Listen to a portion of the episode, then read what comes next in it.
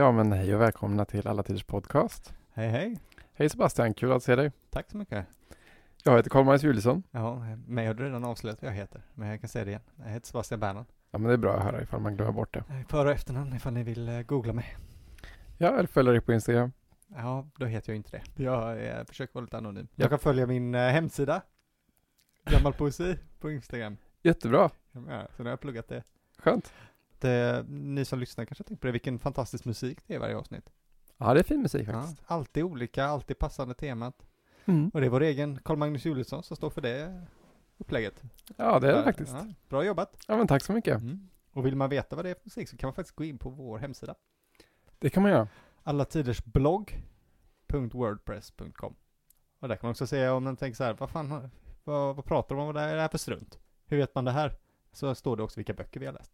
Ja, det gör det. Och sen kan man också ifall man har lyssnat på ett avsnitt för ett tag sedan tänker man det var någon rolig person där i mitten som hade gjort någonting. Vad var det han hette nu igen? Eller hon hette och sådär. Då finns det också tagwords till varje avsnitt. Så då kan man, där står namn, det står kyrkor, det står konstverk och sånt där. Ifall man, om man vill påminna sig själv om eh, ja, men sådana där konstiga namn som man annars bara glömmer bort. Ja, exakt. Så det finns inga ursäkter. Nej. Men ska vi presentera dagens ämne? Ja, det kan vi göra. Ska stänga av ljudet på min telefon. Bra idé, bra idé. Eh, Vi ska alltså prata om eh, hårets historia. Ja. Men då med en, eh, en viss eh, tyngd på könets hår. Ja, kroppsbehåring överlag, men eftersom vi är eh, liksom, människor som tycker om eh, att prata under bältet så blir det ju rätt mycket könshår. Men det låter väl kul och det tror jag att det kan nog vara rätt spännande att se hur det har förändrats över tid. Ja, jo men verkligen. Eh, Man tror ju att, kanske lite att vi lever i en tid som, eh, eller den enda tiden som bryr sig om sånt där, men eh, det visar sig vara intressant.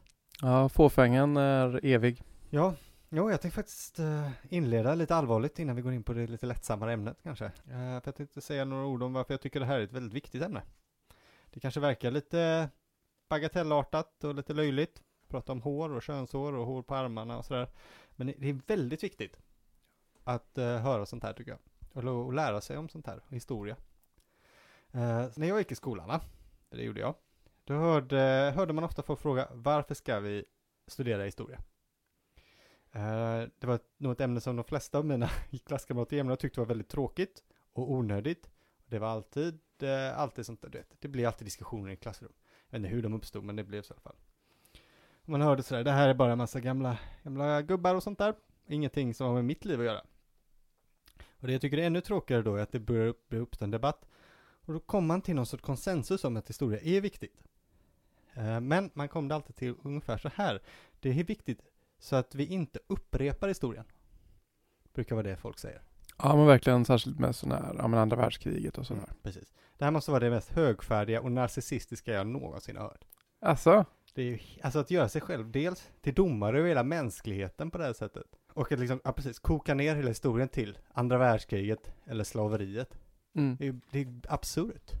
ja men det är väl ett sätt typ att man ska um, ha en väldigt konkret nytta av det. Uppenbarligen också är den ju också felaktig för att man jag tror det är något så här, jag tror det är ett gammalt Bergman-citat att det, det man är mest rädd för, det är det man kommer bli. Just det. Ja men typ att så här, om man, om man tänker alldeles för mycket på vi får inte göra det här, jag får inte bli så här, jag får Nej, inte bli så det. här. Så blir man det. Liksom, ja men typ jag vill inte bli som min pappa till exempel. Och så tänker man på det hela sitt liv. Till slut står man där och är exakt likadan för att man, har, man, man blir det man tänker på. Alltså, kropp, alltså det är som att huvudet inte vet eh, nej. Nej, det är sant faktiskt. Tänk inte på en banan. Nej, just det. Så, men du har ju fortfarande tänkt på en banan och så blir det en banan. Men till exempel, alltså det historia är, är ju, det är ju mänsklighetens samlade erfarenhet. Och ju mer man lär sig om andra människor, desto bättre förstår man ju sig själv och andra. Det är liksom, det är inte konstigt sådär, man måste lära sig om historia av samma anledning man måste studera om människor i andra länder. Därför också människor i andra tider. Det är absurt att man ska vara så insulär att man tror att det enda som spelar någon roll är, det är mitt liv och att jag inte ska råka göra någonting som någon annan gör. Men om du inte ens kan ta människor som bodde på samma plats som du på allvar hundra år sedan, hur ska du kunna eh, ta någon som bor på andra sidan jorden, en annan kultur på allvar? Ja men jag tyckte det var en jättefin eh, definition faktiskt. Är mänsklighetens samlade erfarenheter. Så då man alltså förstår att ens egen berättelse är inte den enda som finns. Och att man kan få klart för sig att det man går igenom, det delar man faktiskt med alla människor i alla tider och på alla platser. Så historia är helt enkelt att sluta vara ensam. Det slutar vara utblottad inför livet och blir en del av den eviga rytmen som är historiens flux. Och då vardagshistoria är ju kanske den bästa delen av det här. Som till exempel hårets historia. Men det måste ändå tilltala alla för att alla har åtminstone ehm, tvingats um, möta det. Ja, exakt. Alltså och ta ställning till hur man ska förhålla sig till det. Ska Nej. man ha skägg? Ska man inte ha skägg? Ska man ha hår under armarna? Ska man inte ha det? Ja, precis. Alltså, ska man ha långt hår eller kort hår? Det står man ju för hela tiden. Ja, nej, så är det verkligen. Så är det, det har alla människor gjort. För inget nytt under solen, som predikaren säger. Så är det. Kloka ord innan vi kommer igång här nu. ja, mycket. För någon som verkligen älskar historia och aldrig, ja, tycker folk är lite tråkiga kanske.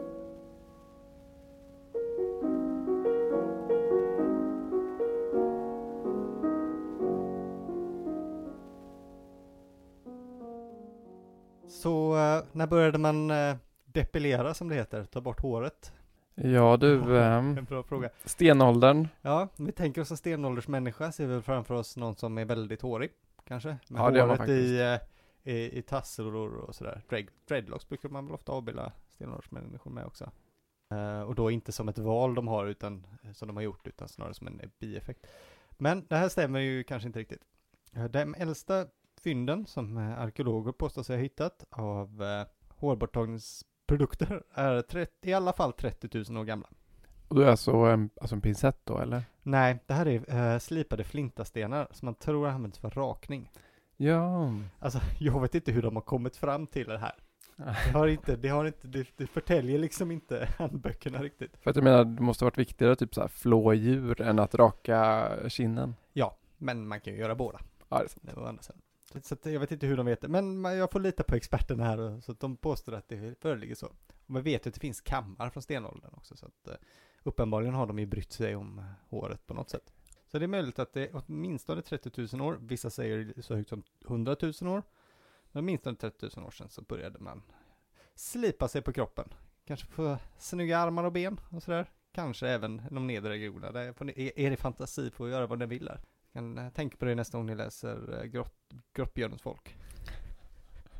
Kul. Mer bevis får vi när vi kommer in i liksom civilisationerna och, och, eh, så. Och då är det såklart alltid Egypten. Så det börjar.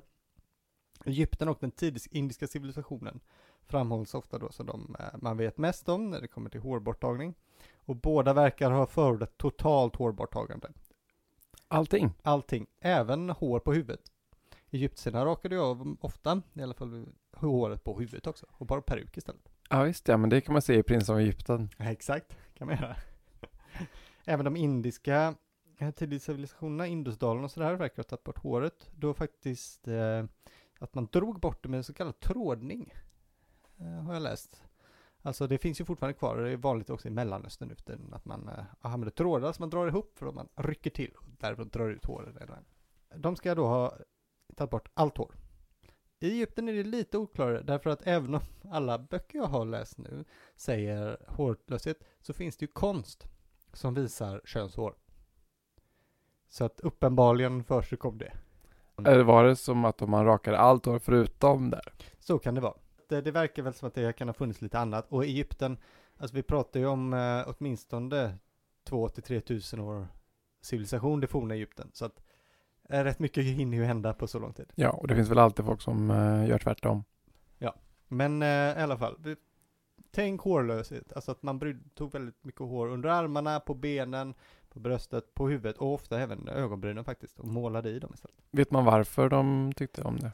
Uh, ja, renlighet är väl det man oftast framhåller. Mm. Det kommer, det kommer återkomma gång på gång igen, men innan det moderna eh, sättet att tvätta sig så fanns det ju mycket löss och sånt där va. Och de sätter ju sig i håret överallt. Och så kliar det. Och så kliar det. Så, så det är bättre att bara dra ut allt. Vet du. Lättare att tvätta sig också sådär. Framförallt om man inte har duschar och man får tvätta sig på andra sätt. Mm. Och eh, sättet man tog bort dem är fortfarande ganska populära faktiskt. Man använde bland annat bivax. Ja, det känner man igen. Mm. Och, och gjorde vaxer som man drog, drog av. Eller liknande någon sorts socker... Eh, an, ehm, metod. Massa. Typ. Ja. ja. Precis. Eh, från antika Turkiet har man också hittat eh, krämer som ska ha fått håret att falla ut. Det finns idag, om man googlar det här, väldigt många hemsidor som nu säljer så kallad antik egyptisk hårborttagningsmedel Jag vet inte hur mycket tillit man ska lägga på dem. Men det finns i alla fall, så uppenbarligen finns det någon sorts intresse för det här. Okej. Mm. Men de äldsta civilisationerna som vi har bevis för i alla fall i Indien och, och, eh, och Egypten förordar i alla fall hårlösa kroppar. Mhm. Så det kan vara kul att veta. Ja men verkligen. Mm. Eh, Men eh, lite tydligare och lite mer bevis får vi såklart ju när, när vi kommer in i den klassiska antiken. Där vet vi mycket. Ja, och när man tänker på, på hår då tänker man ju såklart på nakenhet.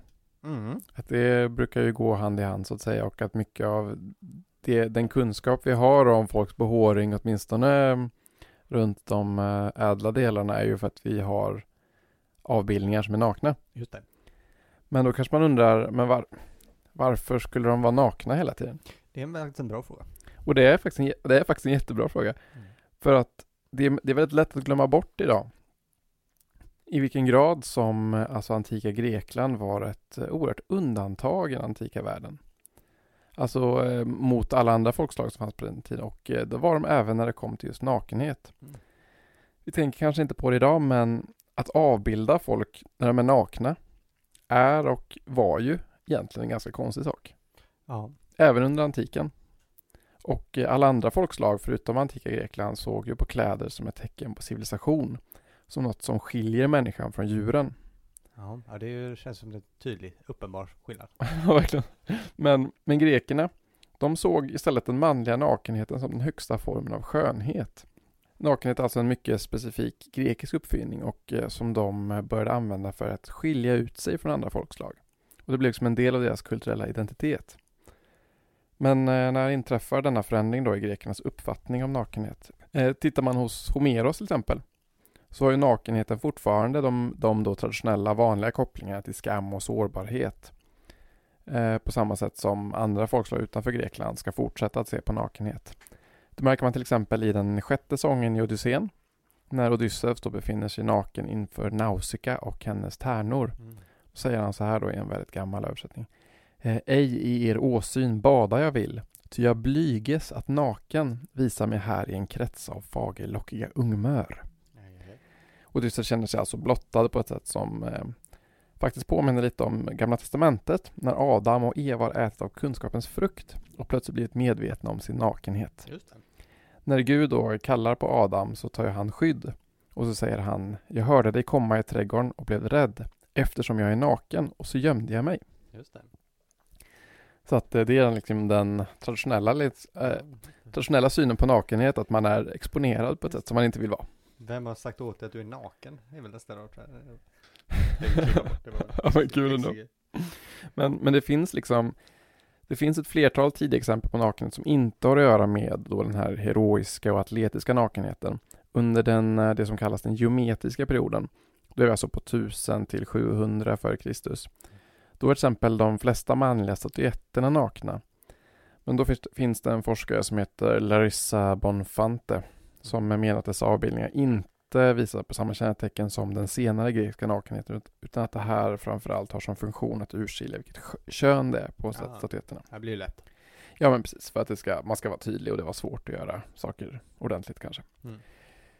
Men en teori i alla fall är att just den atletiska nakenheten har sin grund i de två olika sorters nakenhet som ska utvecklas parallellt i det som kallas arkaisk tid. Då befinner vi oss alltså 700 till 480 före Kristus. Eh, den ena skildrar en idealiserad nakenhet i form av eh, de statyer som i plural kallas koroi. Och det kommer alltså från koros som betyder ung nobel pojke på grekiska. De här statyerna föreställer alltså unga män avbildade med armarna hängande längs med sidorna. Blicken är rakt fram och benen eh, lite isär. Deras storlek och pås då har tagit inspiration från Egypten. Men deras nakenhet är grekisk det. och eh, de har då lite anspråkslösa genitalier då. Ja. Egypterna har ju höftskynke. Ja, precis. Bra sätt att göra skillnad på eh, om den grekiska eller egyptiska statyn. ja, faktiskt. Och eh, varför de har anspråkslösa genitalier i Grekland är det ett tecken på självkontroll och behärskning. De här då, koroi eller koros då, de kan vara religiösa och till exempel avbilda Apollon. Men de behöver inte vara det. Det finns också en kvinnlig motsvarighet som heter kore. Och, eh, men de avbildas påklädda Just det. iför till exempel en, eh, vad heter det, chiton. Mm. Det är den ena sortens nakenhet. Den andra är den så kallade apotropeiska magiska nakenheten och eh, apotropeisk betyder ju vända bort eller avvärja, vilket vi pratade om i vårt Pompeji-avsnitt. Just det. Just det. Har vi gjort. Och det syftar alltså till statyer, målningar eller mosaiker av till exempel satyrer med jättelika erigerade fallusar som man ansåg då kunde avvärja ondska eller det onda ögat. Ja, rimligt. Men kvinnlig nakenhet vid den här tiden fortfarande tabu. Den är associerad till skam och sårbarhet. Men den var också kopplad till magi på samma sätt som den jättelika fallosen. Och det kan man se till exempel i eh, mytologiska motiv och scener, till exempel när Demeter lyfter på sin kjol. När Gyges ser kungens fru naken, eller då såklart när Aktaion ser Artemis blottad utan kläder. Just det. Inte bra. Nej. Men den rituella och religiösa aspekten av nakenheten som då Koroi då representerar ska enligt denna teori sedan försvinna i det som kallas klassisk tid, alltså då 480 till 323 f.Kr. till förmån för den här medborgaren, atleten, soldaten. Och det är nu alltså, i klassisk tid, som den grekiska nakenheten får sin alldeles särskilda betydelse. Nu representerar den inte längre sårbarhet eller skam, utan en alldeles särskild sorts mod. Nämligen att vara villig att strida för sitt liv trots att man är naken och blottad. Ja, det är modigt i och för sig. Ja men verkligen, det är utan skydd, utan rustning. Ja. Och, eh, men det här då är en nakenhet som enbart är förbehållen män då. Kvinnor vill man ska vara klädda eftersom det innebar att de var skyddade och inte utsatta för fara. Eh, att den atletiska nakenheten utvecklas på det här sättet det tror man har att göra med att den skulle ha sina rötter i religiösa ritualer som var till för att förbereda soldaten, atleten då, för krig. Mhm. Den gudomliga och heroiska nakenheten som Korostatyerna hade har nu alltså fått inslag från den apotropeiska traditionen av aggressivitet, våld och att fördriva ondska. Man, liksom, man har då alltså kopplat ihop alltså den här lite heliga, fina, behärskade nakenheten med den väldigt aggressiva, med de här stora, stora fallosarna och sådär. Ja, okej. Det fanns också invigningsritualer för kvinnor som inkluderade nakenhet, men då var målet med riterna annorlunda. De kvinnliga rituella nakenheten förberedde dem för giftermål och familj och barn, medan manliga förberedde dem för ett liv som krigare. En annan aspekt av att kvinnor då inte avbildas i samma utsträckning som män har att göra med respekt för äktenskapets avskildhet. Män och kvinnor tillhörde ju väldigt olika världar i antika Grekland som skulle hållas separata, där mannen hörde hemma i offentligheten och kvinnan i det privata. Men medan den manliga nakenheten går tillbaka till arkaisk tid så dröjer det faktiskt ända till hellenistisk tid, alltså 323 f.Kr. till cirka 30 f.Kr. Då uppstår en respektabel kvinnlig nakenhet som är möjlig att avbilda och då gäller det enbart gudinnan Afrodite. Just det, det känner man igen. Nakna Venusar har man sett. Ja. Och det är liksom den, ja egentligen den första men också den, den enda på väldigt länge som där kvinnor kan avbildas nakna utan att vara kurtisaner eller prostituerade. Mm. Som annars är det vanliga på till exempel ja men attiska vaser till exempel. Just där kan det. ju kvinnor vara nakna. Det kan de vara. Sen finns det en annan tradition då som tillskriver antingen en kille som heter Orsippos från Megara eller Akantos från Sparta eller en okänd atlet från Aten som ska ha uppfunnit att tävla naken i olympiska spelen. Ja, det är tydligt, kommer man ihåg också, att de tävlar nakna. Ja, och det här, det här är då redan på 700-talet före Kristus, för det finns liksom lite olika teorier som säger lite olika. Och eh, varför man då tror att de här då skulle ha uppfunnit att, eh, att tävla naken, det har ju med ordet eh, gymnos att göra. Ja. Som betyder naken och som vi hittar i ord som gymnasium eller gymnastik. Och det tycker man då, det pekar väl på att den atletiska nakenheten borde ha sitt ursprung i de platser där man tränar inför de olympiska spelen. Ja. Som det etablerades på 700-talet. Ja, men så lätt är det inte riktigt. Nej. För en forskare som heter då Miles McDonnell, han skriver att det, fast, det, det finns faktiskt inga källor att de skulle ha kallats gymnasium vid den tiden. Nej. Jag Att ordet kan vara mycket senare. Mm. Men han lyfter också fram att det finns faktiskt vaser från geometrisk tid på boxar som verkar vara nakna. Mm. Men de här det är så, de är så gamla så det är svårt att vara helt säker. Ja. Och det är också svårt att veta ifall de är tänkta att vara människor eller gudar. ja, just det. Men det är i alla fall det tidigaste tveklösa exemplen på atletisk nakenhet menar han då däremot kommer från attiska och korintiska vaser från mitten på 1600-talet före Kristus. Som då föreställer boxare, löpare och brottare och sådär. Men Så vi har liksom lite olika bud här, alltså lite olika um, ursprung då, antingen från um, en kombination av de här koroj och um, de här satyrerna med stora fallosar, eller att det kommer från sporten. Och ehm, anledningen enligt Miles McDonald varför eh, forskare enligt honom då ska ha bortsett från de här eh, exemplen på boxarna. Det har att göra med att de tidigaste skriftliga källorna som nämner den atletiska nakenheten det är två snubbar som heter Tukydides och Platon. Och de är ju från 200 år senare Jo. än de här källorna. Och de menar att seden att eh, motionera då eller tävla naken skulle ha införts kort innan deras tid. Ja, okej. Citat, för inte så länge sedan. Bra, bra tidsangivelse. Så att eh, det är lite svårt då, eftersom att vi har då eh, arkeologiska material som eh, från lite olika tider som pekar på vissa olika saker. Mm. Men de här texterna om, eh, om nakenheten är ganska moderna. Ja, jag förstår. Det är svårt. Ja, det stör, det pajar till det lite grann. Och därför då har olika teorier uppstått för att försöka lösa denna diskrepans mellan källorna. Ja, och det finns massa förslag som att de tidigaste avbildningarna kanske, kanske har varit en artistisk konvention, Mm. att det handlar om idealisering. Sen finns det förslag att eh, Tukydides och Platon helt enkelt har fel i sin datering, eller alldeles för slappa i hur, hur länge länge sedan är. Så kan det vara. Eller att nakenheten till och med ska ha försvunnit för att sedan återinföras igen. Ja. Ja, det låter också ganska dumt. Mm. Men, eh, men mycket pekar i alla fall på att den atletiska nakenheten är mycket äldre än man tidigare trott. Dock skulle man kanske kunna anta att det inte var förrän Tukydides och Platon som nakenheten fick sin fulla filosofiska och ideologiska betydelse. Tukydides ansåg till exempel att eh, gymnasera naken var en betydande del i det nya moderna demokratiska Grekland. Och Platon det som något helt och hållet rationellt. Mhm. I den femte boken av Staten av Platon så uttrycker han till och med att nakenhet ska gälla både kvinnor och män som agerar soldater och väktare i hans idealsamhälle. Han skriver då Vi kunna väl således låta de kvinnliga väktarna avkläda sig eftersom deras dygd ska vara deras kläder och låta dem taga del i både krig och annan vakthållning i staten. Shit. Så att eh, det är liksom nakenheten får där en väldigt samhällsbyggande funktion. Ja. Det påpekar väl också på hur man ska datera just nakenheten. Om det är en, alltså, är det filosofiskt eller är det praktiskt eller hur man nu vill tänka liksom. Ja. Men när Grekland sen tappar sin ställning och romarriket tar vid, ja, då ska ju kopplingen mellan demokrati, grekisk särart och besattheten vid ungdomlig skönhet försvinna. För i det nya kejsardömet rimmar ju nakenheten illa med Augustus betoning på de äldre sed, på tradition och religion som vi pratade om för ja, bara något avsnitt sedan. Just det, faktiskt. Men som artistisk konvention så kommer ju den grekiska nakenhetens associationer till styrka och sårbarhet, till människa och hjälte. Ja, det kommer ju leva vidare ända in till nästan våra dagar. Faktiskt.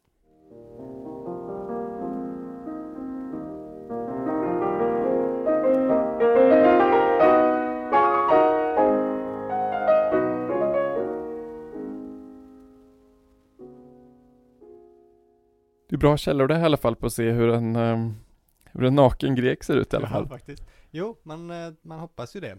Det är svårt då, för den nakna greken är ju för det mesta hyfsat hårlös. De har ofta, eller ibland i alla fall, eh, lite hår över snoppen.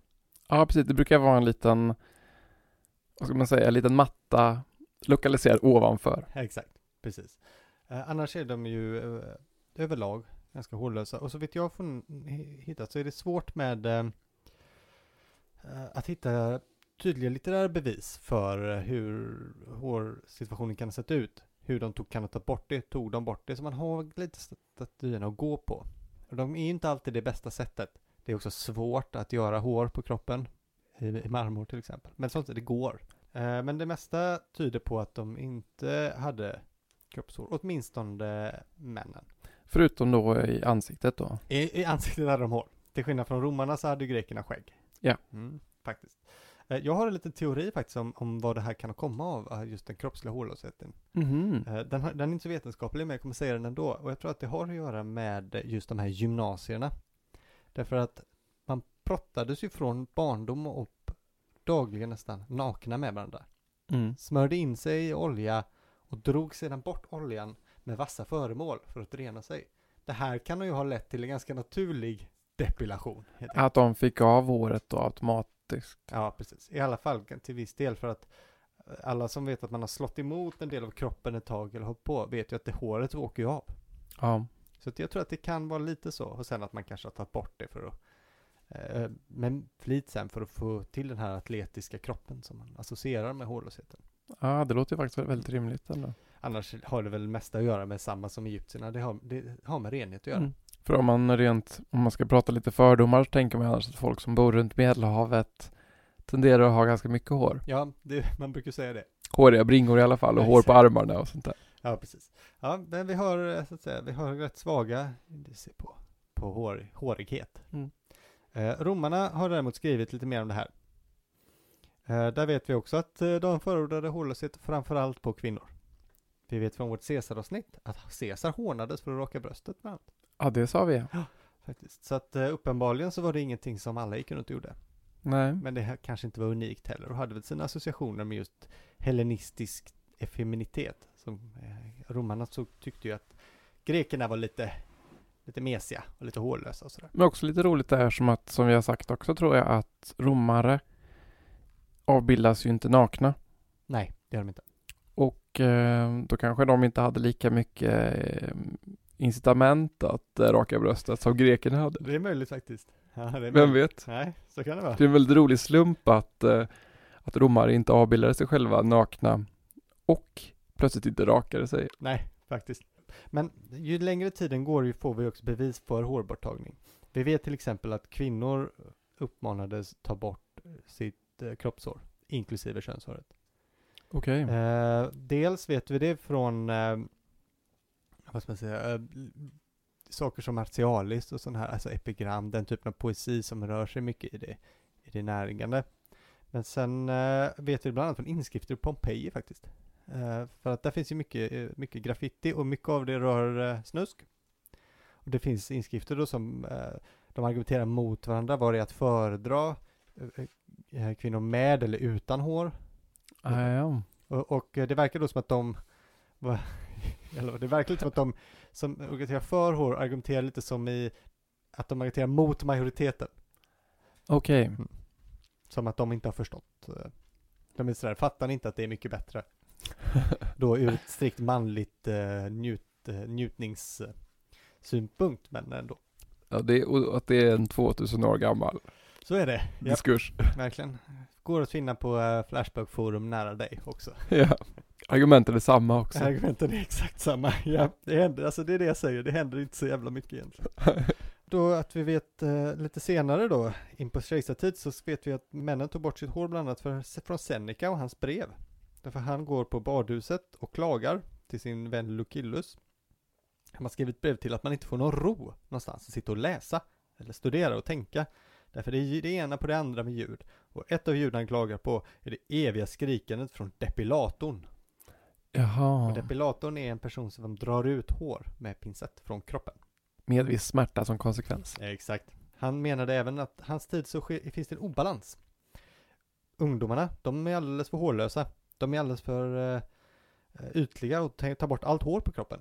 Medan männen, eh, de äldre, de är slappa. De tar, rakar sig inte ens under armarna. Ja, då kan man också få en, eh, en bild av vad som är lagom då. Exakt. Så att man ska tydligen ha inget hår under armarna. Nej. Men man ska inte raka för mycket. Nej, precis. Han nämner inte några fler ställen tror jag som är exakt där man inte borde raka. Nej. Eh, män ska inte ha hår under armarna i.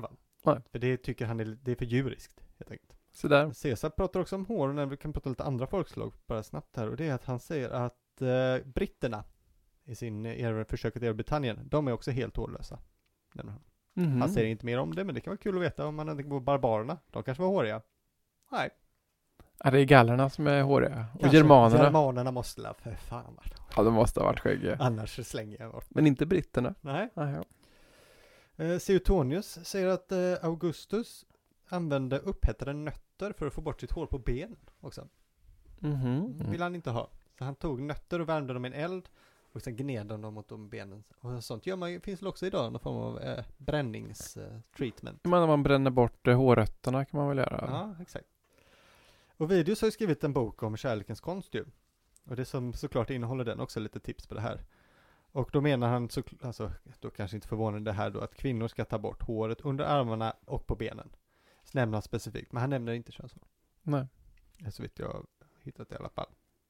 Det är också, boken handlar väl mer om, eh, ska man säga, förförandet och kurtiserandet Så också än själva akten. Så är det. Den här, den här är mer sådär, kom inte, du ska inte komma och se ut som ett vildsvin tror jag det han säger ordagrant faktiskt. Ett bra tips tycker jag som han tar upp i den faktiskt, eh, som, är, som man kan tänka på, det är ju att eh, ha bra andedräkt och lukta gott. Ja. Är jättebra tips. Bra tips. Han har också bra tips där man ska gå på teatern, så ska man sitta nära och sådär. Inte, koro, inte corona. Jättemycket sen. Ja, precis. Så antiken kan vi se, den är hårlös, men med pluralitet. Kanske man kan säga. Mm. Det finns det ju såklart alltid. Men, Men det finns en möjlighet för individu- individuell frihet och in- individuellt val och uttryck i alla ja, fall. precis. Men, eh, men det finns ju en hårlöshet som norm och konsten är ju, den, den är ju såklart idealiserande, men den visar ju också upp så att säga det ideala tillståndet. Och det ideala tillståndet är hårlöst. Men det är ju inte så förvånande kanske med det vi vet om antiken. Att den förordar ju en viss form av liksom, eh, kultiverande. Ja men visst, och självdisciplin och träning och Ja, precis. Så att eh, man kanske kunde räknat ut det redan. Sen då medeltid kommer sen. Jag går kronologiskt fram. Och medeltiden är ju svårt. Vi vet ju inte så mycket. Och under hela medeltiden så försvinner ju mycket den typen av litteratur som berör sådana här intima ämnen. Som den poetiska satiren till exempel. Och, och brevskrivandet vi har berör inte riktigt sådana här ämnen utan mer filosofiska. Så det blir lite svårare att veta. Så det är först mot slutet av medeltiden i alla fall som jag kunde hitta vissa saker. Förutom en sak då, konst. Konst på medeltiden eh, vittnar alltid hårlösa kroppar, så gott som. ja, från typ eh, Edens lustgård och sånt där. Exakt, vi har Edens lustgård, vi har också dömda och frälsta själar. Eh, då på, som speglar efterlivet. De är alltid nakna, de har inte kläder på sig.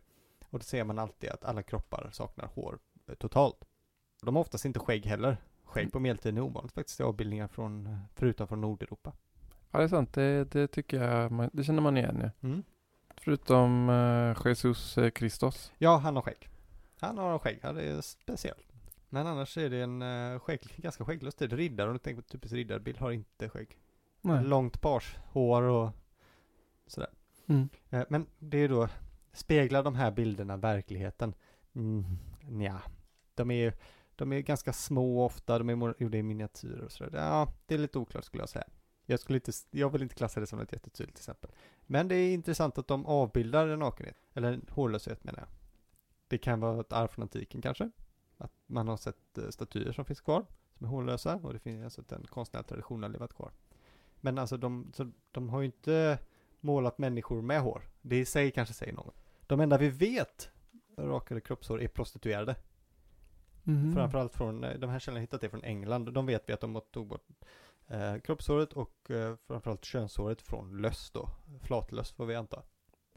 Men eh, då fanns det då eh, ett käckt sätt att det fanns eh, könshårstupéer. Eh, vad säger du? Ja, könshårstupé. Okej. Mm, det heter Merkin på engelska. Mörkin. Mm. Det finns fortfarande att köpa om man, om man googlar. Om man har alldeles för lite hår. Ja, ja, precis. Det hade, fanns då, det äldsta belägget för det här är från 1450 från England för en könshårstupé. Kan du berätta hur en sån ser ut, hur det fungerar? Eh, ja, exakt hur man fäster den har jag inte riktigt fått någon klarhet i. Hur den ser ut? Ja, den ser ut som hår. Men, Tufsigt. ja, för kvinnor då, eller för män? Det är för kvinnor. Och då, då fäster man den ovanpå, eller ovanför? Ja, det gör eller? man. Ja, precis. Den fästs ovanför. Det här är också då, eh, har väl att göra med att man har rakat bort för att behålla löss, men eh, man, kan, man kanske vill visa att man har hår för att det tyder på att man inte har löss. Ja, det är sant. Ja, ja. att Jag har hår, därför har jag inga sjukdomar och så. Exakt, precis. Smart. Det var medeltiden. Prostituerade hade könshårstupéer. Det är det vi kan säga ungefär. Det är ju det är kul i sig. Det är väldigt, väldigt roligt. Eh, renässansen vill ju gå tillbaka till eh, antiken. Ja, det vill de. Mm, och det visar sig att de vill göra det på många sätt.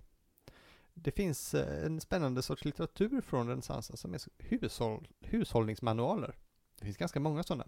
De är framförallt till för eh, hemmafruar. Eh, och har recept på det mesta man kan behöva i ett hushåll. Lite enkla mediciner, städning och sådär. Men också hårborttagningskrämer. Och hur man applicerar dem över hela kroppen. De innehåller bland annat arsenik Va? och kalciumoxid. Va? Så de var nog inte så hälsosamma. Låter- Var det typ syra? Ja, faktiskt. De ska ta bort innan det börjar bränna på kroppen och, och eh, skinnet faller ur. Enligt Katarina så är det, hon var en eh, stor renässansfürstinna och motståndare till Borgia-familjen. Hon säger att man ska lämna på krämen under tiden det tar att säga två Fader vår. Inte längre än så. Eh, typ några minuter då eller? Nej, det går snabbare än så skulle jag säga. Det Det beror på hur snabbt man läser. det. Jag läser den snabbt. Men det här kanske har då att göra med att renässansen börjar ju då att ta tillbaka det antika bildspråket ju. Och vi ser ju David eh, till exempel och Michelangelo. Han har den här klassiska grekiska, lite hår ovanför snoppen. Mm. Inget någon annanstans. Nej, han är ju väldigt bar annars. Ja, faktiskt. Och han har en lite tvetydig ålder. Ja, faktiskt, det har han. Alltså han, han har ju någonting pojkaktigt över sig som att han är så um, ohårig. Mm. Men samtidigt så är han ju um, ja, men ganska manlig också. Ja, jo. Men då man tänker den där Michelangelo-tavla som eh, eh, Sixtinska kapellet överlag, men också hårlöst ja, på kropparna. Andra, det finns då klara, en väldigt tydliga bevis på att, eh, på att folk eh, rakade kroppen och könshåret och det är då ett förbud. Ett förbud förbjuder ju alltid något man gör. Ja, det är sant. Och då vet vi att Katarina de Medici, som var drottning i Frankrike på 1500-talet, hon förbjöd sina hovdamer från att intimraka sig. Och då kan vi ju från det rista ut att det försiggick i det franska hovet på 1500-talet. Ja, verkligen. Man undrar ju också varför de inte fick göra det. Nej, men Katarina Medici var ju ganska from av sig. Ah, Tyckte inte om att man höll på och nakade, snuskade sig på det sättet. Nej, hon tyckte det kanske var lite inbjudande. Så. Ja, precis. Och att man gjorde sig fin inför någonting som man tänkte ha. Ja, exakt. Då tänker man så här kanske, ja men rakning av kroppen, har det bara, är det bara skönhet? Nej, säger jag. Eller säger också 1600-talet och 1500-talets eh, läkare. Därför att man, man tvättade sig ju inte i vatten på den här tiden riktigt. Man, bytte ju kläder oftast på det sättet och, och tvättade sig väldigt sällan. Eh, och då var det så att i hår fastnar ju som vi sagt lös, men också smuts fastnar i hår och fett. Det är mycket svårare att eh, Och hudavlagringar och sånt där. Torr Exakt. hud som fnas. Precis, så därför eh, säger läkarmanualen att man ska ta bort kroppshåret för att hålla sig ren och frisk helt enkelt. Så så är det också. Mm. Men allt det här går ju hand i hand ju alltid. Ja. Sexualitet och hälsa och sånt där. Ja, och man tycker väl också kanske att det är mer attraktivt med en person som ser frisk och ren ut. Ja, Att liksom, Exakt. anledningen kanske är att man ska vara lite lättare att tvätta, men det är också mer attraktivt med en person som är lätt, som är mer tvättad och ja, så är det. Precis. Ja, och det här fortsätter in på 1700-talet då, där man vet att, som vi pratade om tidigare, att man tänker mycket på lukt framför allt. Eller som renhet. Så man baddade sig med parfymer och sådär. Eh, och 1700-talet det tycker jag också är lite svårt att veta, men 1700-talet har pro- producerat en ofantlig mängd pornografi. ah, ja, ja. 1700-talet är porrguldålder alltså. Det krävs inte mycket googling för att hitta naket 1700-tal alltså. Så det kan man förkovra sig om man gör research för eh, avsnitt. För att eh, folk, även om folk inte skriver hur de gör under armarna eller vid snoppen, så avbildar de ju det i alla fall. ja, de de avbildar i alla fall vad folk också vill titta på. Ja, exakt. Eh, och eh, då är det så att kvinnor eh, tenderar att vara hårlösa på 1700-talet också. Så trenden fortsätter så att säga från renässans, 1600-tal och sådär. Så det finns ett ideal av hårlöshet som fortsätter. Men det är faktiskt väldigt svårt att veta för att männen avbildas nästan alltid bara med byxorna nere. Och lite bakifrån och lite från sidan. De är inte nakna på samma sätt på 1700-talet. Nej. Kvinnorna är det också ganska sällan utan det är mycket lyfta kjolar. Men väldigt lite hel nakenhet. Vi har väl den där, ehm, vi pratade om de här traditionella synerna på nakenhet. Alltså Mm. med sårbarhet, skam, exponering. Ja. Här är de tillbaka då. De är tillbaka, exakt. Att det är liksom, det är skamligt och sårbart att visa hud så att man får bara visa väldigt små utvalda delar. Ja, precis. Idealet fortsätter som jag sa, lite hårlöst. Nu kommer vi då till 1800-talet. Då kan man säga så här, fram till ungefär 1800-talet ser historien då likadan ut, som ni kanske märkt när jag pladdat på, att konsten, idealen förordar hårlöshet. Och eh, det finns en association till renhet, till exempel, och eh, lösfrihet och sådär.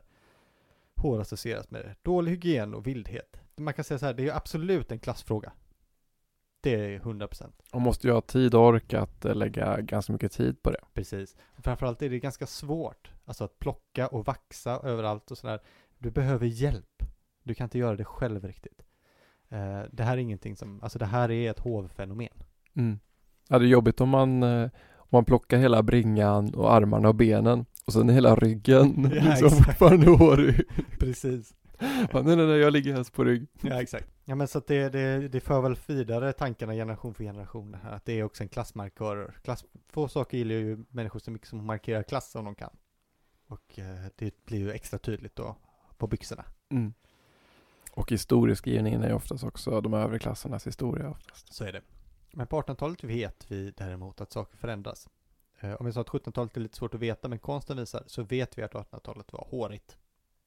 Konsten fortsätter att visa hårlösa kroppar. Det vet vi från liksom, tavlor och sådär känner man ofta igen. Men det sker en sak här då, faktiskt det som händer är att man börjar sexualisera i alla fall kvinnans kroppsbehåring. Okej. Manliga nakenhet är också fortfarande ovanligt under 1800-talet och då är det ju atleter och, och antika saker man avbildar naket. Men eh, kvinnlig nakenhet finns ju kvar lite samtida och, det bör, och då finns det vissa som visar könshår.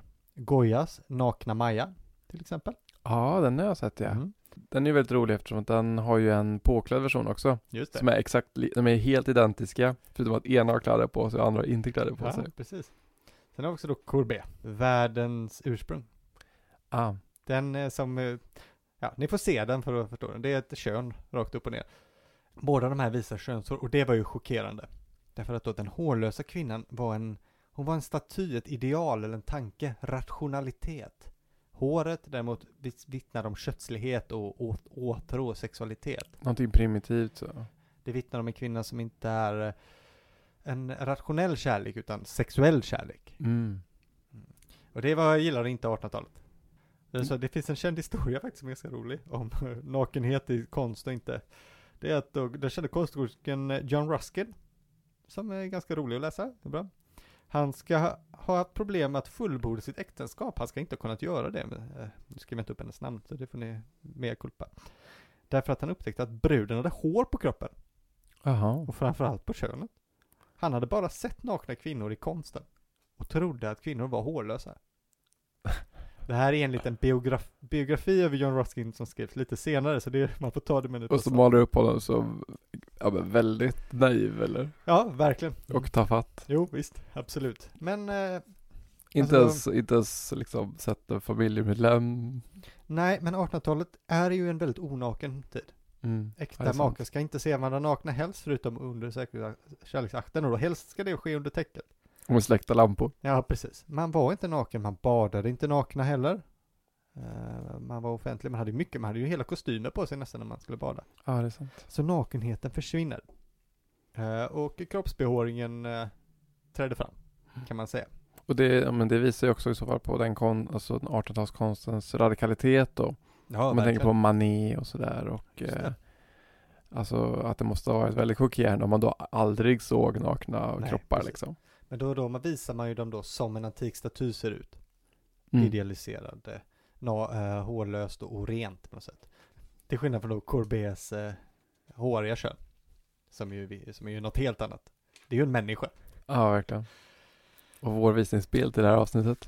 ja, okej, mycket möjligt faktiskt. Mycket möjligt. Det tycker jag. I och med 1900-talet, kanske vi har märkt, vi som lever lite efter 1900-talet, så eh, trängs håret sakta men säkert baka. Till en början i alla fall, vi kanske kommer in på det sen, så är det ju exklusivt åt kvinnor nu. Uh, och annars tidigare i historien kanske det finns en viss könsbalans, att eftersom håret associerats framförallt med renhet så har båda könen uppmanats att eh, ta bort håret för att behålla borta smuts och löss. Men nu med modern teknik så är det ju rent eh, skönhetsmässigt. Och då är det exklusivt hos kvinnor nästan. Något som sägs så roligt också som sägs ha bidragit till det här är Charles Darwins teorier. Alltså. För att när man började anamma idén om att människor kom från aporna, då blev man, ju mer hår man hade, ju närmare apan låg man ju. Ändå rimligt. Ja, det är liksom steget som man ville se lite hårlösare ut för att undvika det här. Det här tryckte då eh, reklamörer, för reklammakare på. Du är väl ingen apa? Nej, precis. Raka dina ben. Ja, exakt. Benen tog lite tid faktiskt, men Okej. eh, det är en som var tidigt ute med att göra reklam, som var lite senare, som kanske inte var exakt det här, men nära på. Det var Gillette, Ah, ja. som eh, nu uppfanns ju rakhyveln, The best man can get. precis. Men också då kvinnor, för de uppfann den första rakhyveln för kvinnor. Och då gjorde de en reklam som uppmuntrade kvinnor att raka sig under armarna och under, på underarmen. Så hela armarna på något sätt kan man säga. För man visade ju armarna. Ja, det är sant. Eh, benen tog lite längre tid faktiskt. Det var inte förrän efter andra världskriget som eh, man började uppmana kvinnor att raka benen. Eh, och det är ju för att kjolarna börjar krypa upp.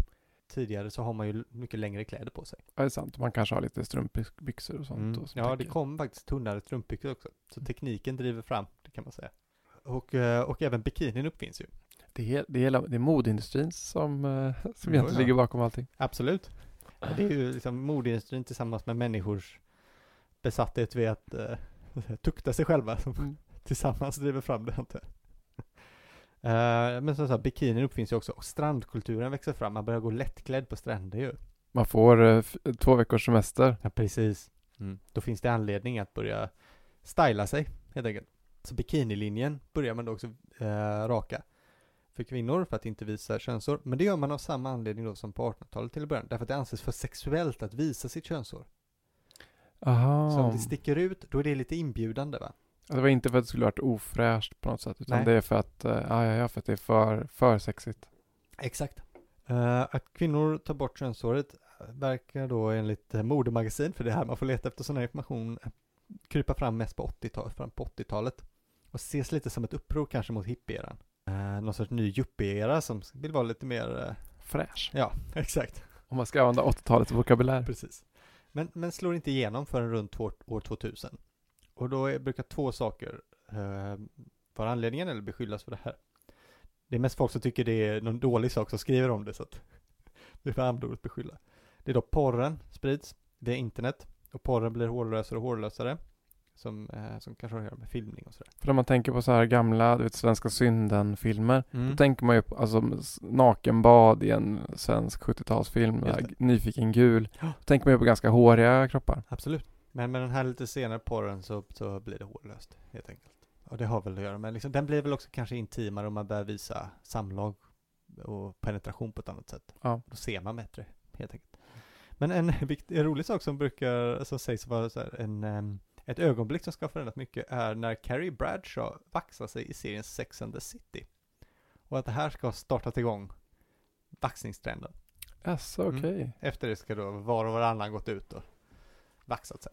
Vi måste ha varit lite för unga för att ha hängt med i den debatten kanske. Det måste väl ändå varit 20 år sedan eller? Ja, det här var 20 år sedan, Mm. exakt. Så då kanske man inte hängde med i de debatterna så mycket. Nej, precis. Det är mycket av det jag sagt nu speglar ju egentligen framförallt USA och Storbritannien. Faktiskt. Det är så. Det är de som skriver om det. Eh, på den europeiska kontinenten så är det lite, lite senare som det här händer. Kvinnor hade hår på benen under armarna fram till 70-talet, eller in på 80-talet. Det kan man se i till exempel Fellini-filmer och sådär, har kvinnorna alltid hår under armarna till exempel. Och det kommenteras inte, även kvinnor som ska spela sexuella roller har ju det. Men eh, nu så får man väl säga att det har där det är samma sak överallt nu. Det moderna internet har drivit fram lik, lik tydlighet. Mm. Eh, det här var ju också lite av en västerländsk perspektiv va? Eh, jo, det får man väl säga. Mm. Eh, det, det hade ju tagit väldigt lång tid för att berätta hela världens historia med ett sånt här stort ämne. Så jag har inte tid med det, men vi kanske kan göra några roliga i nedslag. Eh, då för att visa att det här är inte en unik västerländsk erfarenhet riktigt.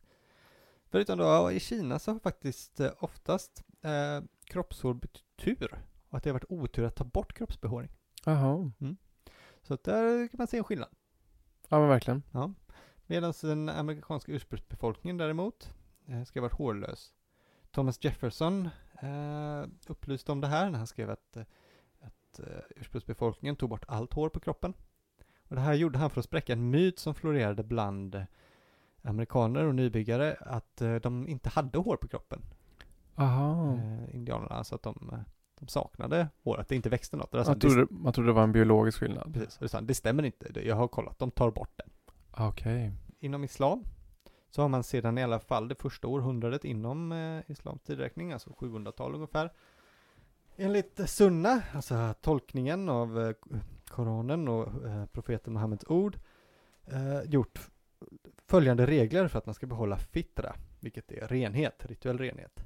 Då ska man ha omskärelse av män. Eh, man ska raka könshåret. Man ska klippa naglarna. Man ska ta bort armhålhåret och man ska trimma mustaschen. Och det här anses vara en normerande regel inom islam. Det är liksom, den har god isnad som man säger. Fint och prydligt. Mm, precis. Medan sikher i Indien, de ska behålla sitt hår. De får inte raka håret, de får inte raka håret, på, klippa sig eller sådär. Mm. Så, eh, där har vi landat någonstans. Ja men Det verkligen. går upp och ner helt enkelt. Ja verkligen fram och tillbaka. Ja, men det kanske är. Behöver man inte känna sig så historiskt apart om man väljer att ta det ena beslutet eller andra. Nej, alltså man kan ju hitta en historisk epok oavsett hur man vill se ut och om man vill vara, ja, tänkte säga hårig som en viking, men nu vet inte jag, nu vet jag inte längre om jag kan säga så. Nej, det är oklart. Var vikingar håriga? Jag vet inte faktiskt. Men hårig som en 1800-tals eh, aristokrat? Ja, precis. E- Eller naken som en gammal grek? Ja, exakt. Precis.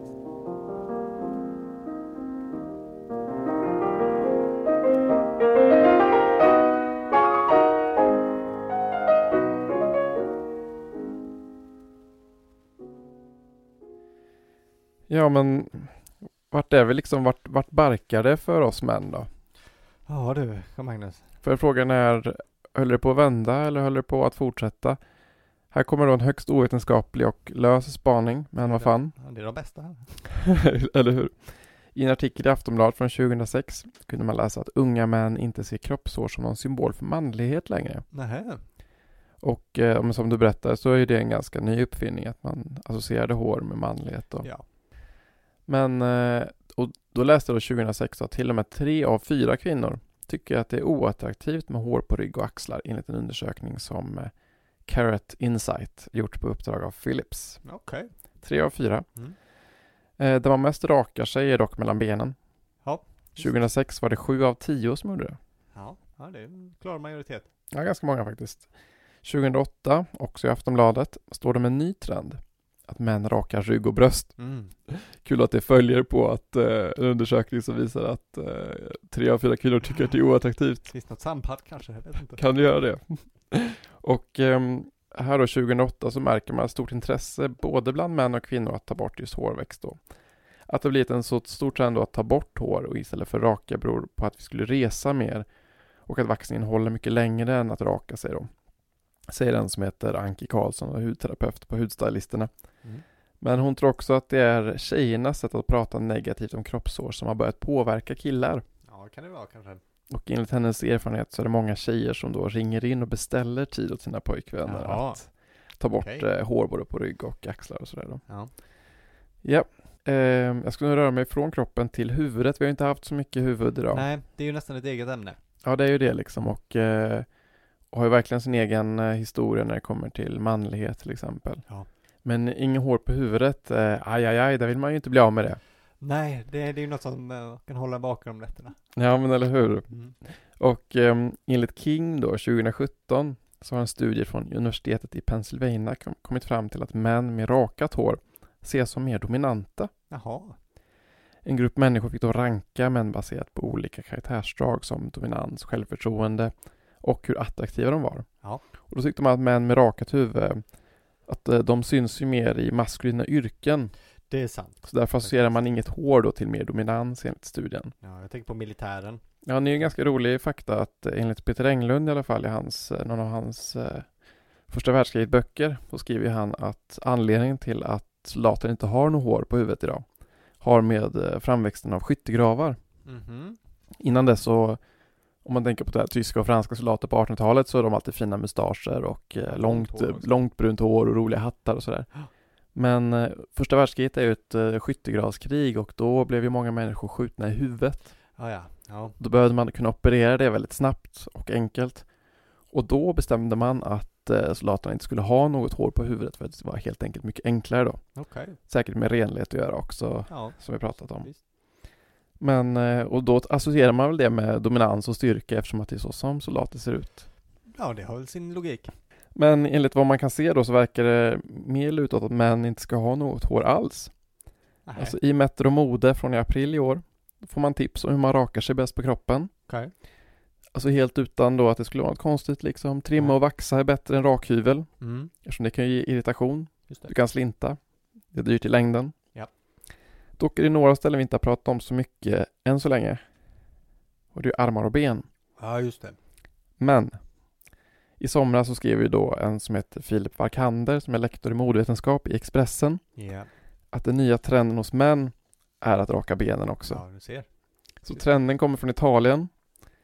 Ja. Det var italienska fotbollsspelare som såg sig själva på TV och tyckte att det var fult med orakade ben och fotbollsshorts. Jaha, ja. Och då började de raka nästan, eller nästan alla sina ben har skrivit, men de Det också. Det också. nästan alla började raka sina ben. Ja. Och eh, det är inte bara ett eh, rakande dock enligt Varkander utan man ska också visa sina ben i korta tajta shorts nu för tiden. Mm. Mhm. Och det kunde man se på Pradas vårkollektion för män från 2019 med kort korta shorts då. Ja, ja. Okej. Ja, så att eh, så, nu finns det egentligen inga platser kvar att eh, hålla håriga. Nej. Men liksom så att eh, män ska, det verkar luta åt att vi faktiskt ska vara helt hårlösa Ja, det igen. Det går tillbaka till eh, början av historien. Ja, åtminstone männen då i alla Ja, fall. men- Ja, men hur, hur, hur förhåller du dig till, Jag, eh, jag försöker köra måttlighet. vadå så du har, du har bara rakat halva bröstet? Exakt. Nej, jag börjar raka vissa delar av kroppen, men inte, men inte, jag är inte så extrem som eh, det du beskrev nu. Alltså jag kan, jag kan nästan vara öppen för att raka bröstet. Ja, Eller okej. alltså, det känns också väldigt jobbigt i och för sig. mm, det tycker jag också. Men det hade ju säkert kunnat vara lite fint. Om jag var väldigt muskulös. Ja, det är sant. Mm, jag känner, alltså, eh, sådär. Jag, jag tränar ju sådär, men inte på den nivån. Nej. Men, men jag känns lite löjligt i min eh, nuvarande, så att säga, inte fullt så grekiskt eh, statyaktiga kropp. Pappamagen. Precis. Ja, så kanske jag känner att, eh, nej, jag, jag får vänta i så fall till eh, eh, Adonis dyker upp. Han kommer säkert. Ja. Men det är också ett bra tecken på, jag tänker också den historia som jag berättat att även om tydligen eh, Prada säger att eh, män ska ha rakade ben Mm. så har vi uppenbarligen inte det.